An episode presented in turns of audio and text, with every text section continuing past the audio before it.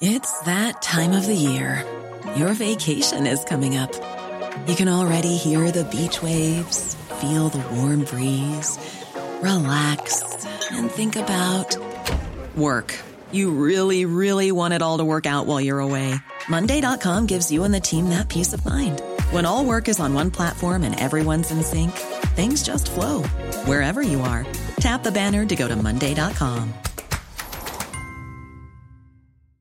Everyone knows therapy is great for solving problems, but getting therapy has its own problems too, like finding the right therapist, fitting into their schedule, and of course, the cost. Well, BetterHelp can solve those problems. It's totally online and built around your schedule. It's surprisingly affordable too. Connect with a credentialed therapist by phone, video, or online chat, all from the comfort of your home. Visit betterhelp.com to learn more and save 10% on your first month. That's BetterHelp H E L P. Burrow's furniture is built for the way you live. From ensuring easy assembly and disassembly to honoring highly requested new colors for their award-winning seating, they always have their customers in mind. Their modular seating is made out of durable materials to last and grow with you. And with Burrow, you always get fast, free shipping. Get up to 60% off during Burrow's Memorial Day sale at burrow.com slash ACAST. That's burrow.com slash ACAST. burrow.com slash ACAST. Du lytter til en podcast fra TV2.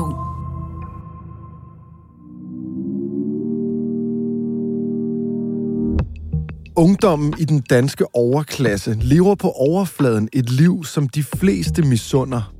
Men for flere gemmer sig en helt anden og brutal virkelighed.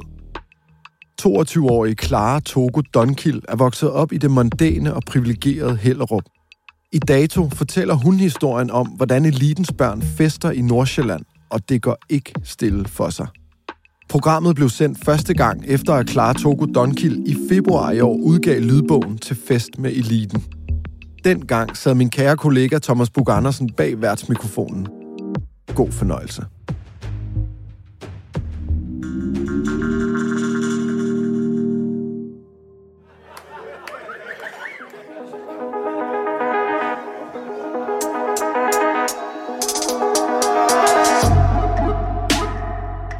Det første, vi bliver introduceret for, når vi kommer, det er en leg, drengene har forberedt.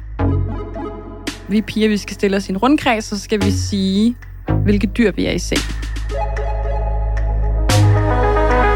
Igen oplever jeg det grænseoverskridende, og som noget, som jeg egentlig ikke har lyst til, men alligevel gør, fordi jeg ikke kan stå og være den eneste, der ikke siger det her dyr. Indeni er det lidt det samme, som der gav den lapdance. Jeg ved godt, at det er lidt for meget.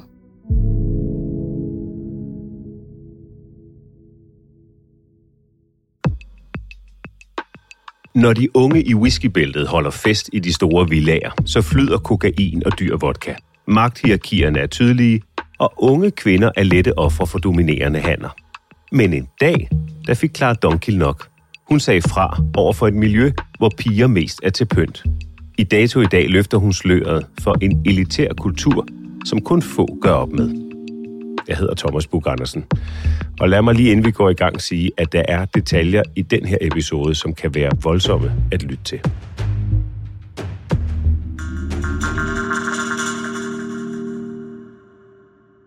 Du er vokset op i Hellerup. Ja. Hvis du bare lige skulle beskrive sådan kort din opvækst, hvordan lyder det så? Jeg vil sige, at jeg har jo haft en god opvækst.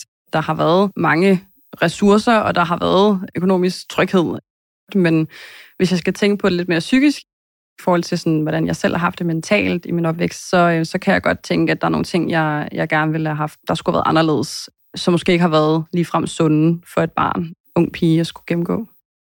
Clara Donkil er i dag 22 år, og hun udgav for nylig lydbogen til fest med eliten om sine erfaringer med ungdomskulturen nord for København. Og når du siger, at der er nogle ting i din barndom, som, som måske ikke har været hensigtsmæssige, hvad tænker du så på? Der tænker jeg mere på det generelle pres, der egentlig er, og det hierarki, der også er, som man forholdsvis ungt bliver introduceret til og nærmest også ubevidst kommer ind i og er en del af selv.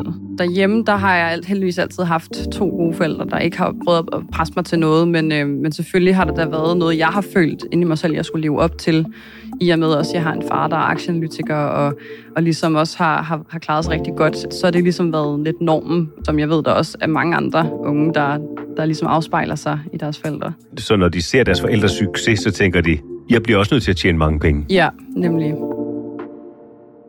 Og det er målet for succes. Det er jo i hvert fald det, som jeg er vokset op med, at det skulle være vejen frem, at du, øh, du tager en fin uddannelse, du går på gymnasiet STX, og du har maks et sabbatår, og så øh, ved du, hvad du skal øh, med det samme for at tjene gode penge og, og være en del af toppen.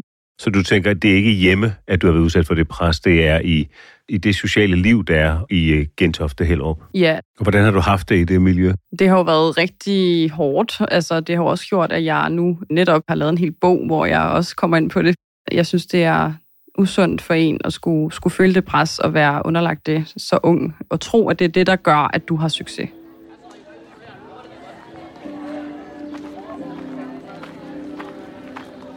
Der, hvor det for alvor bliver tydeligt for dig, hvad det er for et miljø, du vokser op i, det er der, du starter på gymnasiet. Hvad sker der den dag, du starter der? Det er 2016. Jeg øh, starter i 1. G på Gamle Gymnasium en sommerdag. Jeg har en øh, cowboy på og en top, og så har jeg en sort taske med, med sølvkæde og meget makeup på. Har virkelig sådan gjort mig pæn, og jeg havde virkelig tænkt over det længe, hvad jeg skulle tage på den dag. Jeg er virkelig, virkelig spændt, og jeg husker, at jeg også var lidt bange på en måde. Jeg var meget nervøs, og jeg tror, det er meget naturligt, at, at man tænker, åh her, jeg håber, folk kan lide mig. Jeg håber, at jeg fremstår fra den bedste side muligt. Jeg tænkte bare, nu gør jeg, hvad de andre gør, og siger, hvad, hvad de andre siger, og så blender jeg ind. Og hvad glæder du dig til?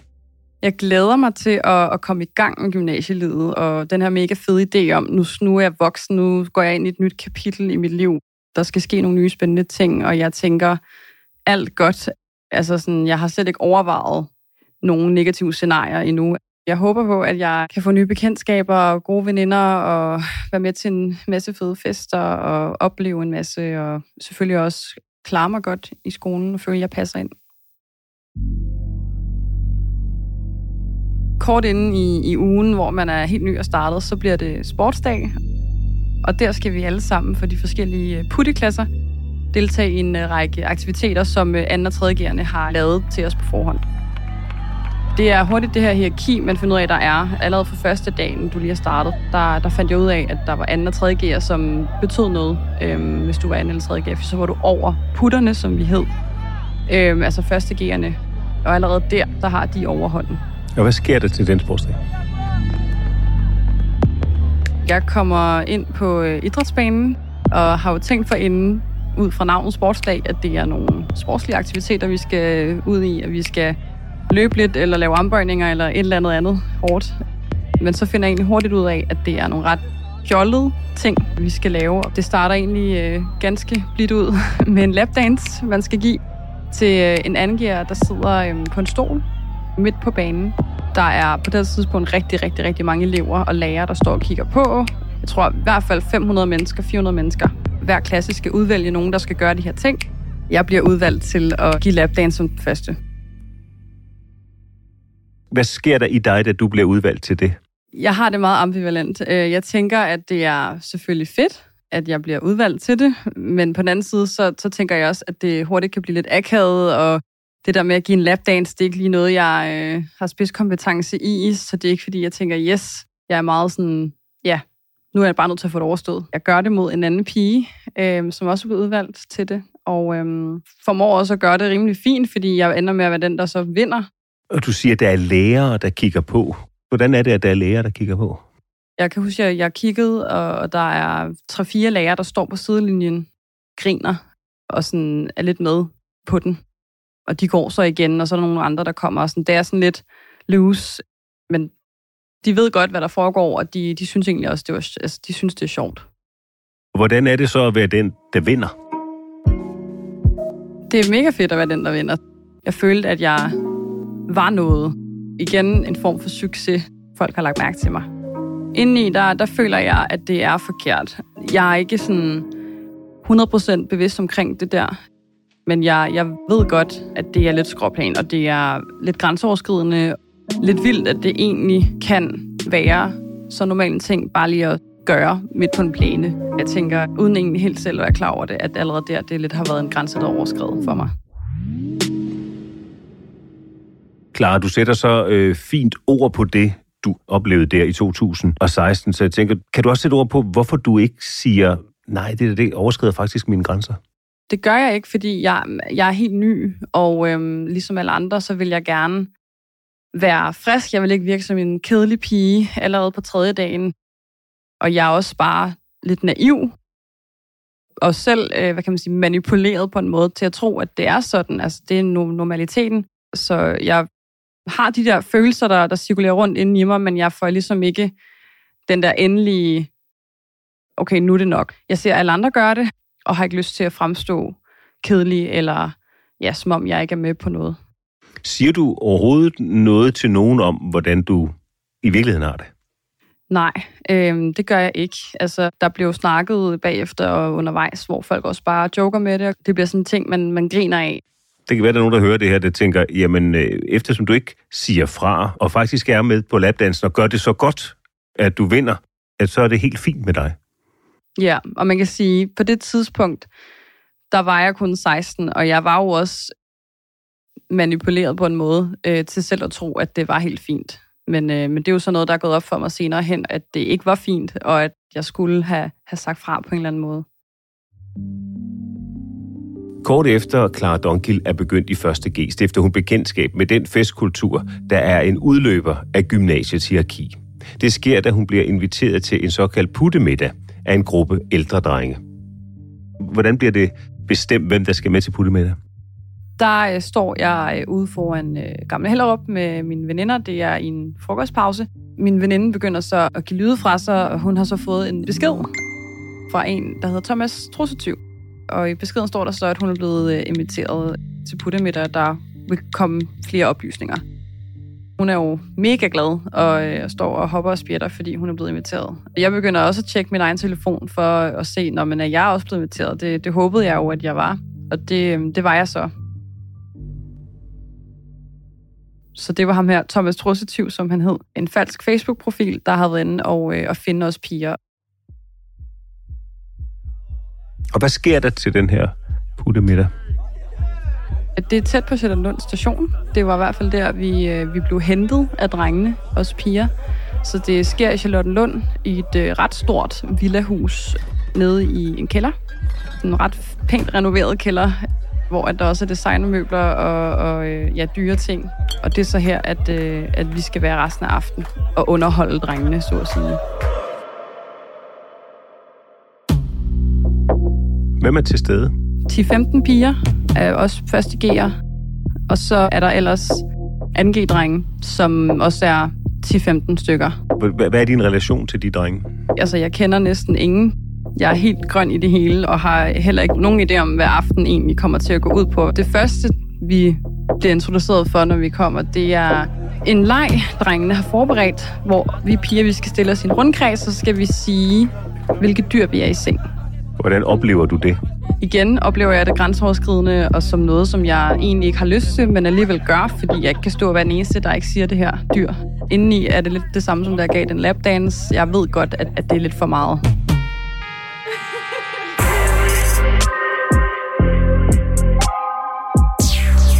Efter lejen her, så begynder de at hælde på os. Der kommer alkohol på bordet, og det er selvfølgelig også den dyre slagsen. Vodka, Belvedere, champagne, Moe. Så har de sådan en hat, de øh, går rundt med og kalder den for ja-hatten. Og den her ja-hat, de bestemmer selv, hvem der skal have den på hovedet af pigerne. Og når man som pige får den på hovedet, så skal man gøre, hvad de siger. Jeg fik den for eksempel på på et tidspunkt, og bliver bare stukket en flaske i hånden og får besked om, at jeg skal drikke af den. Og det gør jeg. Det var den milde udfordring. Der var også på et tidspunkt, hvor jeg fik den på, hvor jeg blev om at give en lapdance igen, hvor jeg så siger nej. Og øh, her er der så en anden pige, der, der gør det. Hvordan er det at sige nej? Det er jo egentlig hårdt, men det er jo fordi, jeg føler, at jeg så går mod strømmen på den måde, eller skuffer de her drenge på en eller anden måde. Den puttefest, du beskriver der, hvor repræsentativ er den for det festmiljø, som du har været en del af i 2900? Altså, det er rimelig meget det samme format. Altså, det, det var i hvert fald altid dyr alkohol og mange piger og fyre. Det her med, at vi skulle underholde, og vi skulle være en form for dukke, de egentlig lidt kunne bruge. Hvis man tager klub som, som eksempel at være på klub, så har de købt bordet, og så står vi ved bordet og, og pynter. Hvilken rolle spiller forældrene i at skabe den kultur, der er? De er jo egentlig med til at gøre det øhm, normalt. Det burde jo i hvert fald, når der gik ind og sagde nej, og lærte sine børn at sige fra, eller sige, nu er det for meget, eller det her, det kan være grænseoverskridende, det skal du ikke gøre. Men man kan sige, de er jo egentlig med til at spille en rolle, der gør, at, at det bare bliver anset som normalt. Hvordan gør de det? For eksempel ved at, at være hjemme, mens så bliver afholdt sådan en fest der, puttemiddag, som hvis man som forældre brugte lidt tid på de sociale medier, så vidste man, at det var forbudt. Det var blevet gjort forbudt dengang af rektoren, øh, og er det stadig. Og det er, jo, det er jo noget, man så vælger at støtte som forældre ved at sige, at I kan holde det hos os.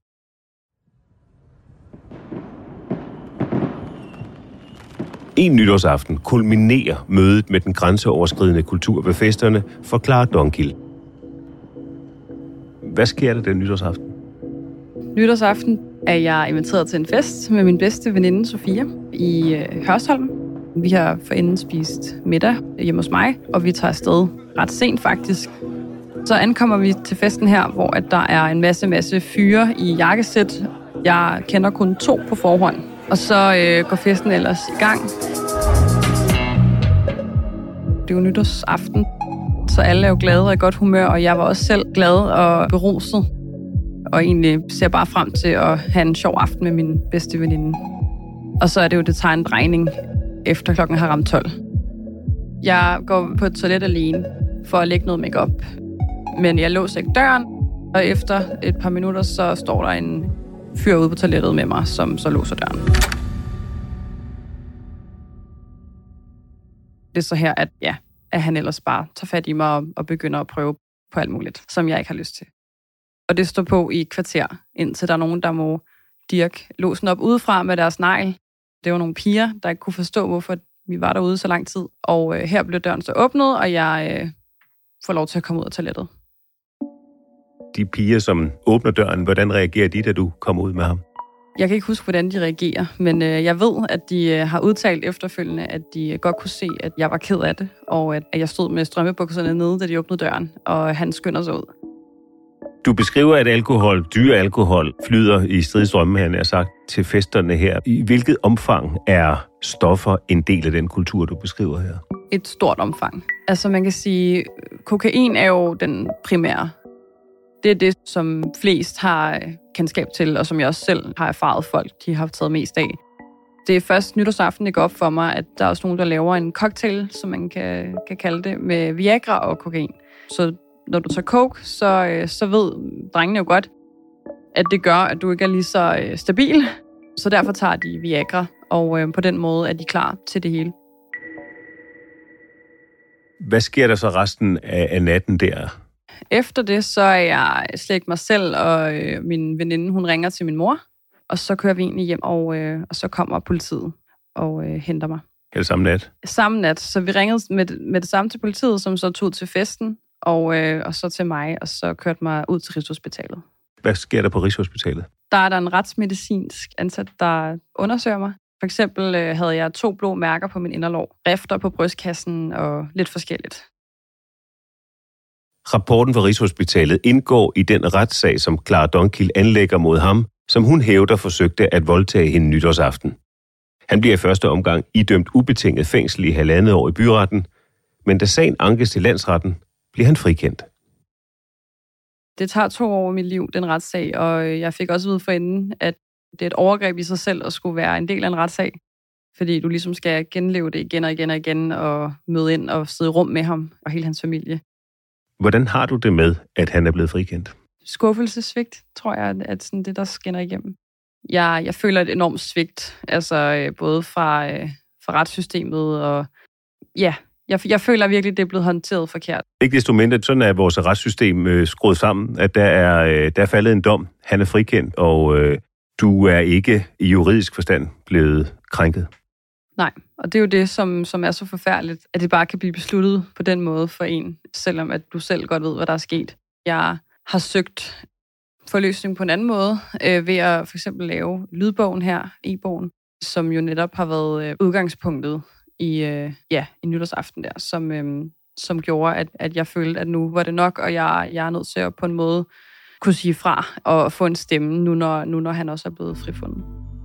Hvordan har det været at fortælle om dine oplevelser? Nu har du gjort det her i dag, nu gør det her nu, men i et længere format i en lydbog. Jamen, øh, det har været enormt underligt at skulle øh, udgive mig selv på den måde, ligesom noget, der er så privat, og som jeg ellers kun har talt med mine aller, aller, aller nærmeste familiemedlemmer om, at skulle dele det på den måde. Altså, det, det har været en, en der har jeg også lyst til at sige grænseoverskridende oplevelse, men det er jo noget, som jeg, jeg har gjort for den større mening, hvis man kan sige det sådan, og, øh, og noget, som jeg har følt, jeg har haft brug for. Og hvad, hvad håber du, der kommer ud af, at du fortæller din historie? Flere ting. Det er, det er både øh, en inspirationskilde, så, så til andre unge piger eller unge mænd, der har oplevet noget lignende, om vi snakker øh, festkulturen eller øh, overgreb eller anden form for grænseoverskridende adfærd. Det her med at, øh, at blive inspireret til at kunne sige fra og, og vide, at du ikke er alene med de her oplevelser og hvad du må tænke om det. Og så selvfølgelig også de helt unge, som måske går i folkeskole eller står og skal til gymnasium, få klædt dem på til at, øh, at være klar til det, men også for måske at nå ud til nogle forældre, som øh, kan tage snakken med, med deres børn. Jeg lægger mærke til, at du nævner sådan set ikke de unge mænd eller de store drenge. Har du nogen forhåbning om, at du kan nå nogen af dem? Helt bestemt. Altså, det er jo også tiltænkt til dem, at de øh, forhåbentlig også kan, kan indse, at det ikke er sådan, man skal være, og det ikke er det, der er lige med succes, eller at du øh, så er noget, fordi du gør de her ting. Og din lydbog har været ude nogle, nogle uger nu. Den har været, du har fortalt din historie også i, i andre medier. Hvilke reaktioner har du fået? Primært gode. Jeg har været virkelig overvældet over al den støtte og opbakning, der har været, og hvor mange der egentlig også har åbnet op omkring deres egne oplevelser, som har været lidt af det, jeg har været ude for. Og det har også bare overrasket mig virkelig meget, hvor mange der egentlig kan sige, at de har prøvet det samme og har samme opfattelse. Der har også været nogle mindre gode, men, øh, men altså, jeg vidste godt på forhånd, det var et kontroversielt emne. Hvad har det været for mindre gode reaktioner?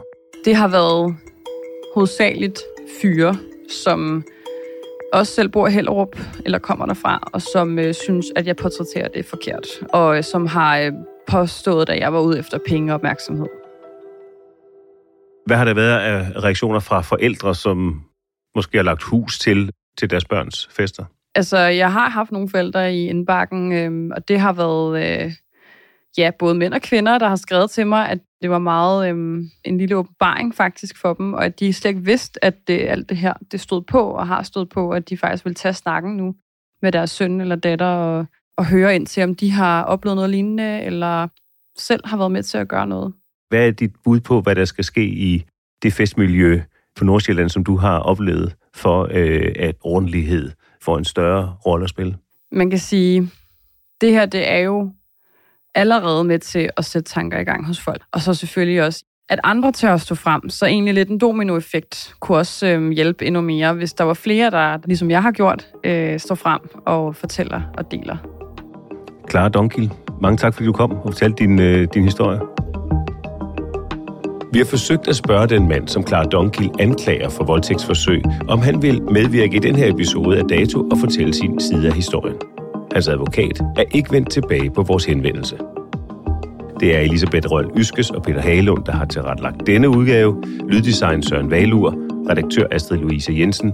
Jeg hedder Thomas Bug Andersen. På genhør.